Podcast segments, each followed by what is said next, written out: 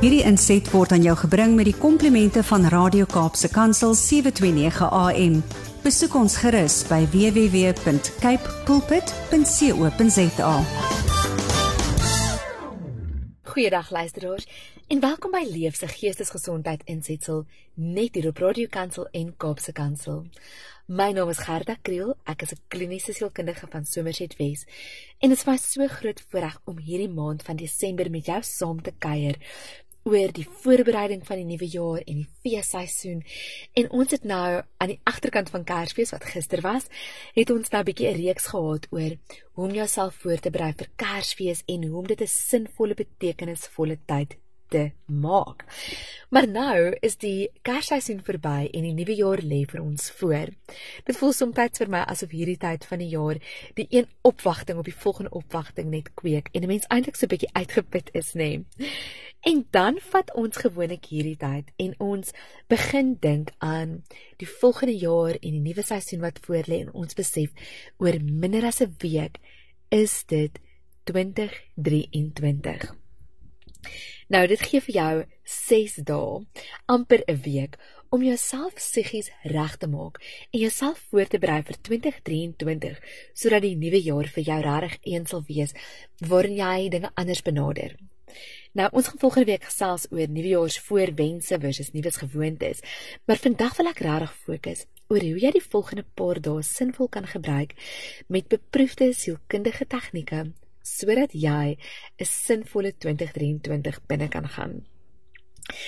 Ek persoonlik hou nog altyd baie daarvan om in hierdie tyd van die jaar tyd te maak om net te reflekteer oor wat in my jaar gebeur het. So trek 'n vel papier nader en skryf vir jouself 'n paar lysies. Die eerste ene is jou hoogtepunte van die jaar. Wat was in 2022 vir jou 'n besonderse hoogtepunt en wat het jou gevul met vreugde en blydskap en wat het sommer net vir jou op 'n goeie traject gesit?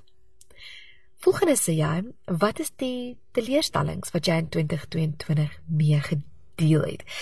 ag kyk, ons het almal teleurstellings, jy weet.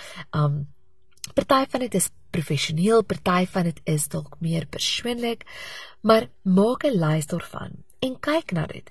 Jou teleurstellings sowel as die dinge wat jy voel jy goed gedoen het. En dan skryf jy neer wat is jou hoop vir 2023? Nou een van my mentors het my uitgedaag om in die nuwe jaar aan die begin van die nuwe jaar of aan die einde van die ou jaar 'n mood board, 'n visuele mood board te maak vir hoe ek wil hê my nuwe lewensjaar moet lyk. En ek glo nie daarin dat dit 'n towerkuur is of dat dit sommer alles regmaak of makliker maak nie. En ek is beslis nie iemand wat vir jou gaan sê spreek dit en dit gaan wees nie. Maar daar gebeur ietsie biochemies in ons brein wanneer ons ietsie uit ons gedagtes uithaal en voor ons op papier sit.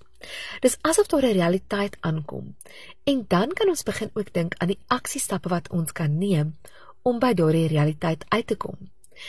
Kom ons sê byvoorbeeld jy wil graag 'n nuwe besigheid begin en jy het 'n vae idee in jou gedagtes wat jy wil doen en ag jy bespreek dit met hierdie een, jy bespreek dit met daardie een, maar jy het nie 'n konkrete plan nie.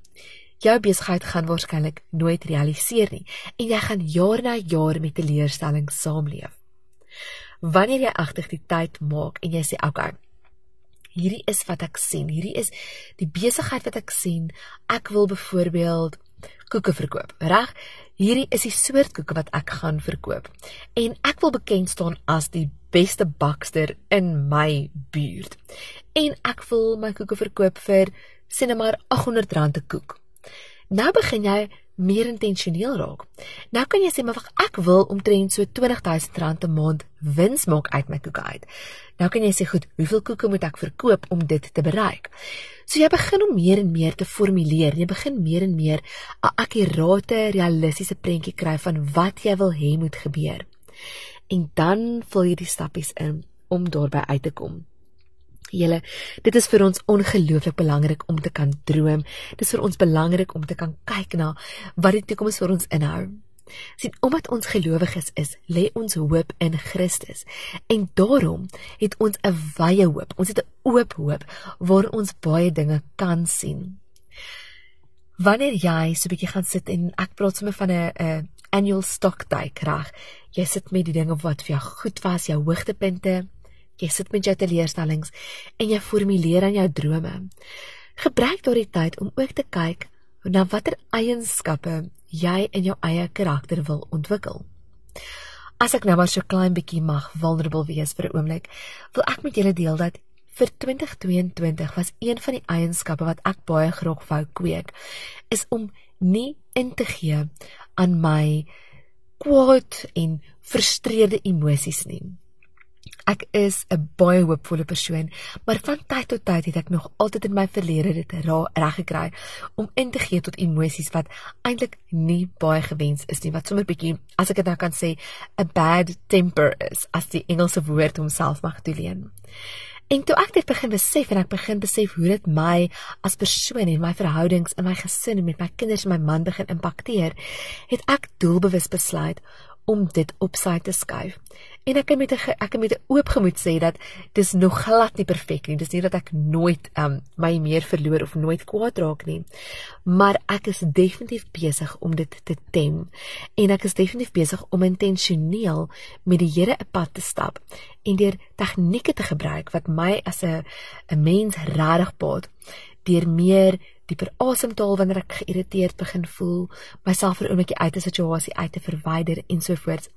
Doodgewone baie praktiese, pragmatiese tegnieke gebruik ek om regtig vir myself te verander. Maar ek was eers in staat om dit te doen toe ek besluit het dat dit 'n karaktereienskap is wat ek in myself graag wil verander en wat ek eintlik op 'n meer positiewe manier wil kweek. Julle Die wonderlike ding van 'n mens wees is dat ons nooit ophou groei nie. En net omdat die jaar op sy rug is, beteken nie jy is op jou rug nie. So ek wil jou uitdaag, ek wil jou regtig challenge. Kyk in die spieël en vra vir jouself, waarin het ek 'n area van groei? Waarin het ek nodig om beter te ontwikkel? En skryf dit ook op jou mood board. Dit help om te weet wat jou talente is. Dit help om te weet wat jou unieke gawes en geskenke is.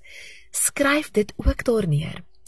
Julle jy gaan nou sit hier met 'n blad voor jou wat jou hoogtepunte, jou laagtepunte, jou sterkste eienskappe, jou swakste eienskappe alles voor jou het. En dan skryf jy vir jouself. En hierdie is baie belangrik. Dis iets wat ek en my man 'n paar jaar gelede begin doen het. Skryf vir jouself 'n visie en 'n missie vir 2023. Nou, baie van ons hoor die woorde visie en missie, maar ons is nie seker presies wat dit beteken nie. 'n Visie is dit wat jy sien. Wat sien jy vir jou nuwe lewensjaar? Wat sien jy op 'n visuele manier vir jou? Dalk is jou visie ietsie vaag. Jy sien jouself miskien net voor 'n klomp mense staan of jy sien jouself net 'n nuwe werk kry. Dis jou visie. Jou missie is die hoe. So word jou visie die wat is, wat wil ek bereik? Word jou missie die stap vir stap missional action wat jy gaan neem om by daardie visie uit te kom.